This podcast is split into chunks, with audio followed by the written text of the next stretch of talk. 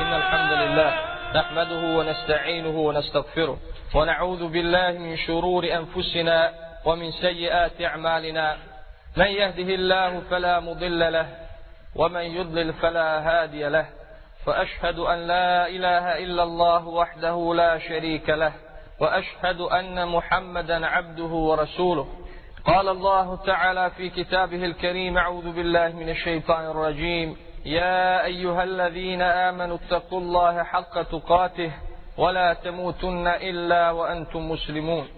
يا أيها الناس اتقوا ربكم الذي خلقكم من نفس واحدة وخلق منها زوجها وبث منهما رجالا كثيرا ونساء واتقوا الله الذي تساءلون به والأرحام. إن الله كان عليكم رقيبا. قال الله جل شأنه uzvišenom gospodaru svjetova. I neka salavat i salam na našeg vjerovjesnika Muhammeda sallallahu alaihi wasallam. Najveća nesreća za čovjeka je nemarno srce. Srce ispunjeno prohtjevima i ispunjeno strastima. Takvo srce na kraju doživljava smrt. I to je ono najgore što čovjek može doživjeti. Smrt srca. Poštovana braćo, kao što su hrana i piće i kisik neophodni za čovjekov organizam, za ljudsko tijelo, tako je duhovna hrana neophodna čovjeku za njegovo srce da bi opstalo u životu. Ta duhovna hrana su ibadeti, pokornost uzvišenom Allahu Đelešanuhu i sva druga dobra djela koja hrane duhovno naše srce. Nasuprot toga grijesi koji su naša svakodnevnica su otrovi koji uništavaju srce i uništavaju njegovu živost. Kao što se čovjek drži uzroka koji održavaju njegov život ili koji ga održavaju u životu, tako isto treba da se čuva i uzroka koji održavaju život, duhovni život njegovog srca. Jer smrću čovjek raskida vezu sa Dunjalukom, međutim, ako mu srce umre, raskida vezu i sa Dunjalukom i sa Ahiretom. Neki od pobožnjaka su govorili, doista su neki ljudi čudni, plaću za onim čije je tijelo umrlo, a ne plaću za onim čije je srce umrlo, a to je gore. Poštovana braćo, danas je puno više oni čija su srca umrla, nego oni čija su tijela umrla. I u istinu čovjek treba da pridaje pažnju svome srcu, da ga hrani svakodnevno duhovnom hranom, jer u protivnom srce će mu umrijeti, a kada mu umre, onda ga je veoma teško oživjeti. Znači svi ibadeti i dobra djela, a naročito ona djela koja su najdraža uzvišenom Allahu Đelešanuhu su neophodna za duhovni život srca. I od najvažnijih ibadeta koji oživljavaju naša srca jesu spominjanje uzvišenog Allaha Đelešanuhu ili zikrullah, učenje Kur'ana, traženje oprosta od Allaha Đelešanuhu, učenje dove, sjećanje na smrt i noćni namaz. Veoma je bitno, draga braću, govoriti o životu srca i o nemaru srca, jer sigurno to je jedna od najvećih boljki koja je pogodila danas muslimane. Muslimani su zapostavili sebe, svoju vjeru, svoj odnos prema Allahu i tumaraju na drugoj strani tražeći razloge svog stanja i izmišljaju koje kakve druge razloge ne bili se izvukli situaciju u kojoj se nalaze, a zaboravili su glavni razlog, svoj odnos prema vjeri, svoj nemar i mrtvilo srca. Mi često slušamo o ovoj temi, draga braćo, koju ćemo danas govoriti, a to je noćni namaz ili dijelo koje najviše oživljava ljudsko srce i koje najviše približuje uzvišenom Allahu Đelešanu poslije farzova. Često smo slušali o toj temi i čitali, međutim, uzvišeni Allah Đelešanu kaže Fedekir, fa inna zikra tenfa'ul mu'minin, a ti opomeni jer opomena će koristiti vjernicima. Čovjek ima potrebu da ga uvijek neko pominji, da ga podsjeća. Jer čovjek kao insan, kao to zaboravno biće, zaboravlja ono što mu Allah Đelešanhu naređuje, zaboravlja ono u čemu je hajr, zbog toga što ga šeitan svakodnevno navodi na zlo. Govorit ćemo o noćnom namazu zbog njegove vrijednosti kod uzvješenog Allaha Đelešanuhu i zbog njegove koristi za život naših srca. Noćni namaz je osobina odabranih Allahovi Đelešanuhu robova, odabranih miljenika kojima nije teško da u tamnoj noći, u dubini noći ustanu, dok svi ljudi ili dok većina ljudi spava, da ustanu radi uzvješenog Allaha Đelešanuhu, bojeći se Allahove kazne i nadajući se Allahove milosti. To su odabrani miljenici. To su oni koji noćni namaz klanjaju, dok drugi ljudi ne klanjaju ni propisane dnevne namaze. U istinu su takvi na visokoj deređi kod uzvišenog Allaha Đelešanuhu. I takav stepen ne može svako postići.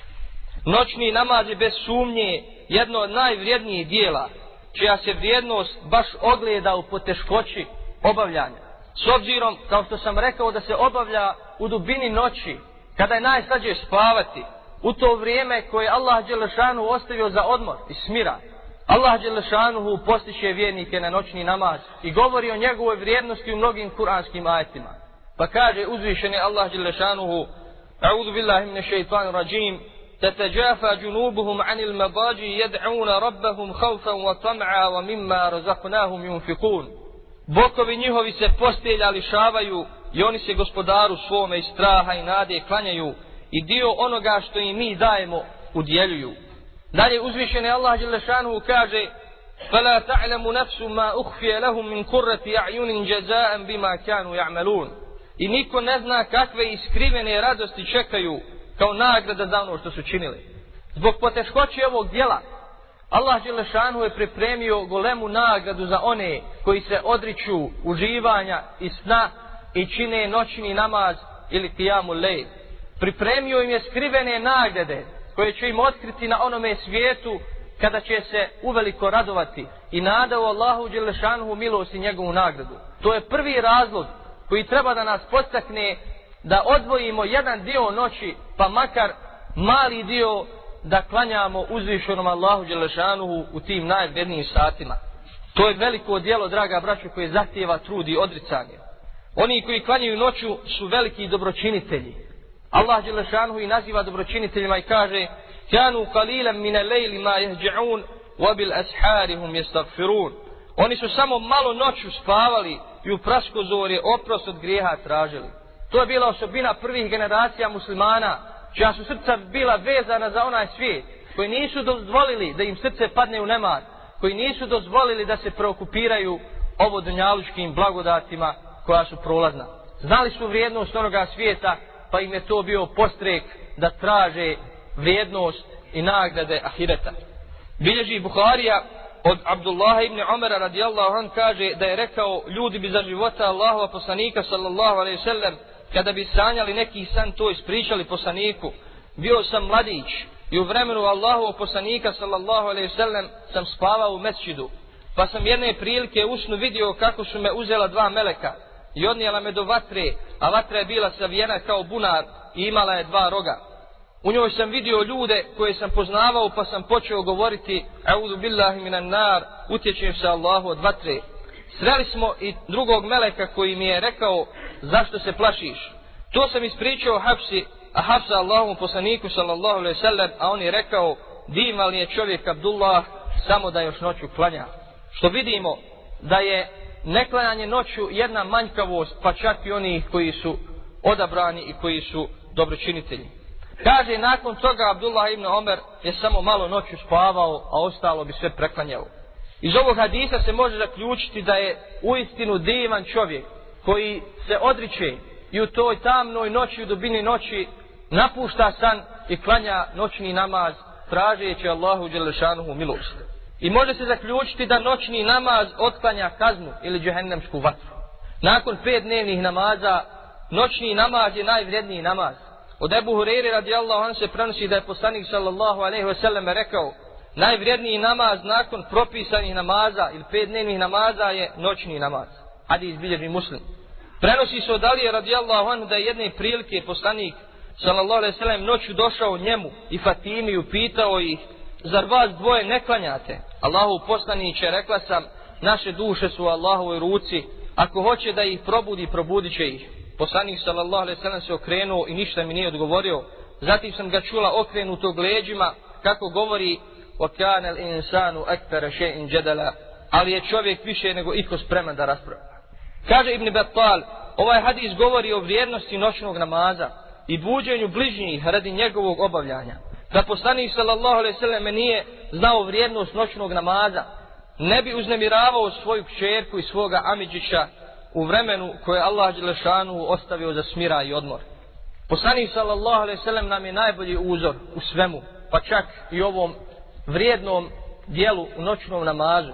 Zato ćemo ukratko reći kako je izgledao namaz Allahu poslanika sallallahu alaihi sallam. Prenosi Ibn Mesud radijallahu an pa kaže Jedne noći sam klanjao sa Allahovim poslanikom sallallahu alaihi sallam Pa je toliko dugo stajao na kijamu Da sam pomislio nešto loše Upitali su ga šta si pomislio?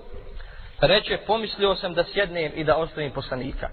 Vidimo da je poslanik sallallahu alejhi ve sellem Većinu noći provodio u ibadetu U kijamu lelu, u noćnom namazu.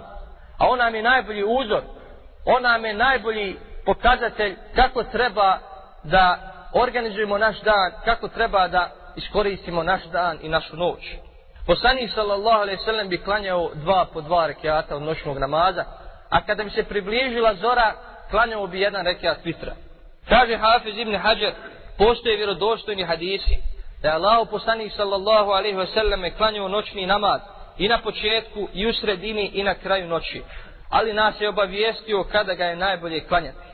Prenosi Abdullah ibn Amr ibn As, od Allahu poslanika sallallahu alaihi wa sallam da je rekao najdraži namaz Allahu je Davudov namaz i najdraži post mu je Davudov post.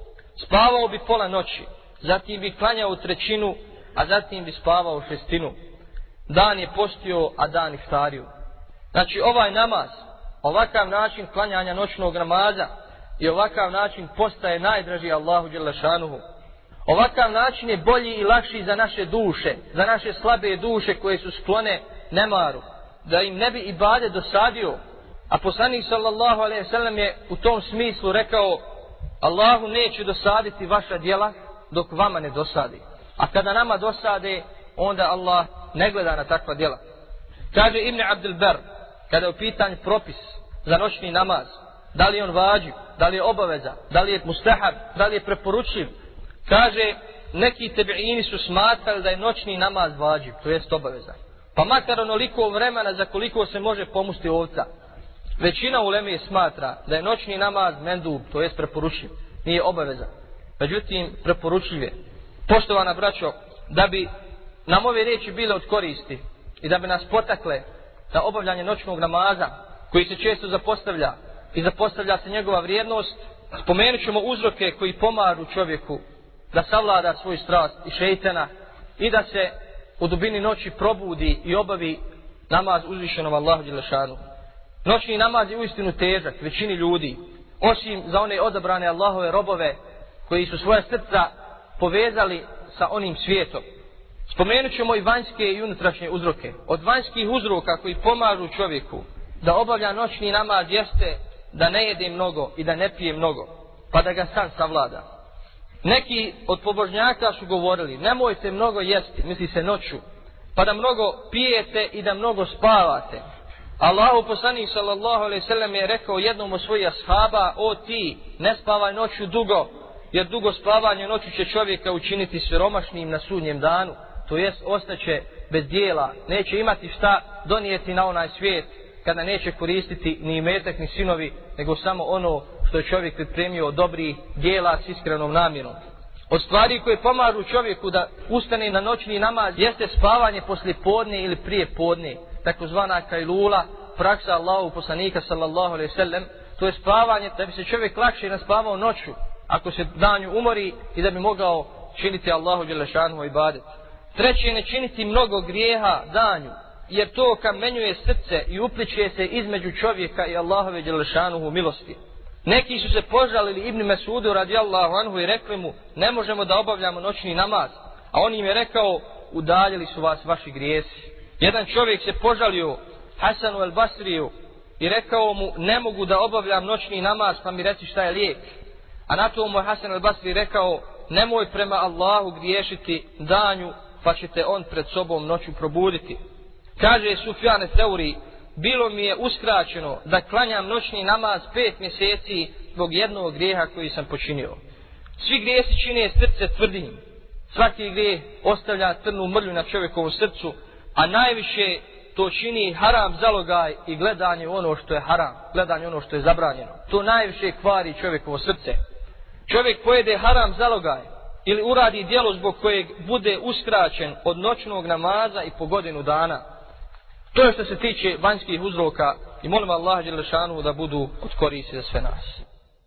Alhamdulillahi Rabbil Alamin wassalatu wassalamu ala ašrafi l'anbijaja wal mursalin rasulina Muhammedin wa ala alihi wa sahbihi ajma'in. Znači to su vanjski uzroci koji pomažu čovjeku da klanja noćni namaz. A što se tiče unutrašnjih uzroka, oni su čistoća srca od novotarije, mržnje i zavisti prema muslimanima i od prekomjernih dunjaluških briga, jer onaj koji ima prekomjerne dunjaluške brige neće biti u stanju da ustane noću zbog dnevnih napora. A ako i ustane i ako bude klanjao, njegovo srce će biti odsutno. Šta kada kažem dunjaluške brige, na šta mislim? Mislim da je čovjek preokupiran ovo dunjaluškim poslovima, pa zbog toga zaboravi na Allaha Đelešanuhu. Preokupiran je koje kakvim poslovima od kojih će zaraditi dinar ili dolar, pa ga to preokupira i ne može da se sjeća uzvišenog Allaha Đelešanuhu.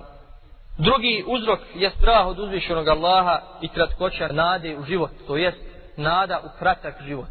Čovjek, ako se boji uzvišenog Allaha Đelešanu, ako je njegovo srce ispunjeno strahopoštovanjem, i ako se ne nada dugom životu, on će svaki trenutak svoga života iskoristiti u hajru da zaradi onaj svijet. Tako se ponašaju pametni. Pametni oni koji iskorištavaju svoj razum, tu Allahu blagodat. I znaju da im je život kratak i svaki trenutak svoga života nastoji iskoristiti da zarade onaj svijet, a ne ovaj. Prenosi se Radullah ibn Ravahe da je rekao čovjek kada se sjeti dženeta još mu se više poveća žudnja za njim, a kada se sjeti vatre nestane mu sna. To jest, u srcu mu se probudi strah od džehennemske vatre, pa ne može mu san na oči i ustane i klanja noću i čini Allahu Đelešanu ibadet. Čovjek da bi klanjao noćni namaz treba da zna njegovu vrijednost, treba i da mu budu na umi oni hadisi i hajti koje smo spominjali o vrijednosti noćnog namaza i šta noćni namaz donosi sa sobom. Tako da bi to probudilo nadu Allahovu milost i žudnju za nagradu i da bi ga to postaklo da traži veće stepene u džennetu. Noćni namaz, draga braćo, je spas. A na to upućuje hadis Rasula sallallahu alaihi sallam u kojem kaže, prenosi Abdullah ibn Selam, kaže da je Allahu poslanik sallallahu alaihi sallam rekao, o ljudi nazivajte selam, dijelite hranu i klanjajte noći dok svijet spava, ući ćete u džennet spokojno i u miru. Naravno, noćni namaz, kao na, jedno od najvrednijih dijela koje približavaju Allahu Đelešanuhu, ostavlja tragove na čovjeku. Kaže Ibn Munkedir, od ovo dunjalučkih slasti, ostale su samo tri. Noćni namaz, susret s braćom i namaz u džematu.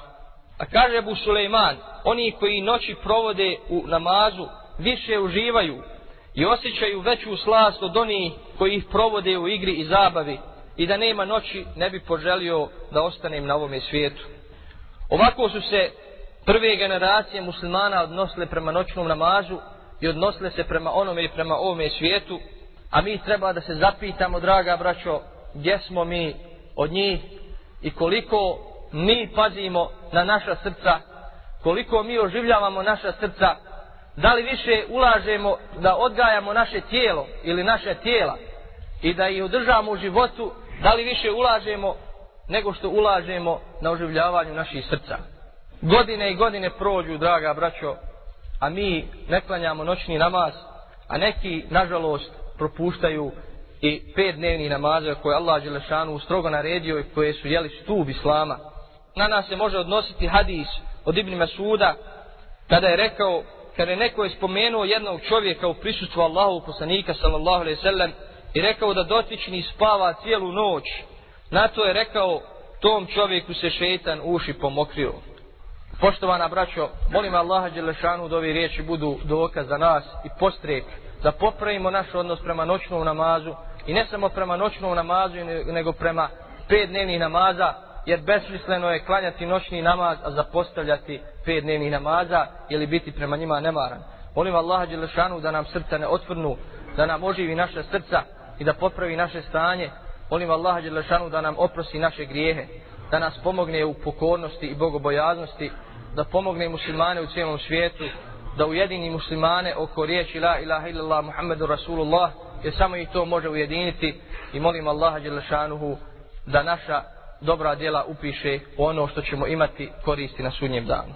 أقول قولي هذا واستغفر الله لي ولكم إن الله غفور رحيم Subhanaka Allahumma bihamdika ashhadu an la ilaha illa anta astaghfiruka wa atubu ilayk. Danas je Allahu najdraži dan. Danas je vrijedno donositi salavat na Resula sallallahu alejhi ve sellem. Pa donosite salavat jer kaže Allahu poslanik sallallahu alejhi ve sellem: "Ko na mene donese salavat jedan put, Allah dželle na njega donese salavat 10 put."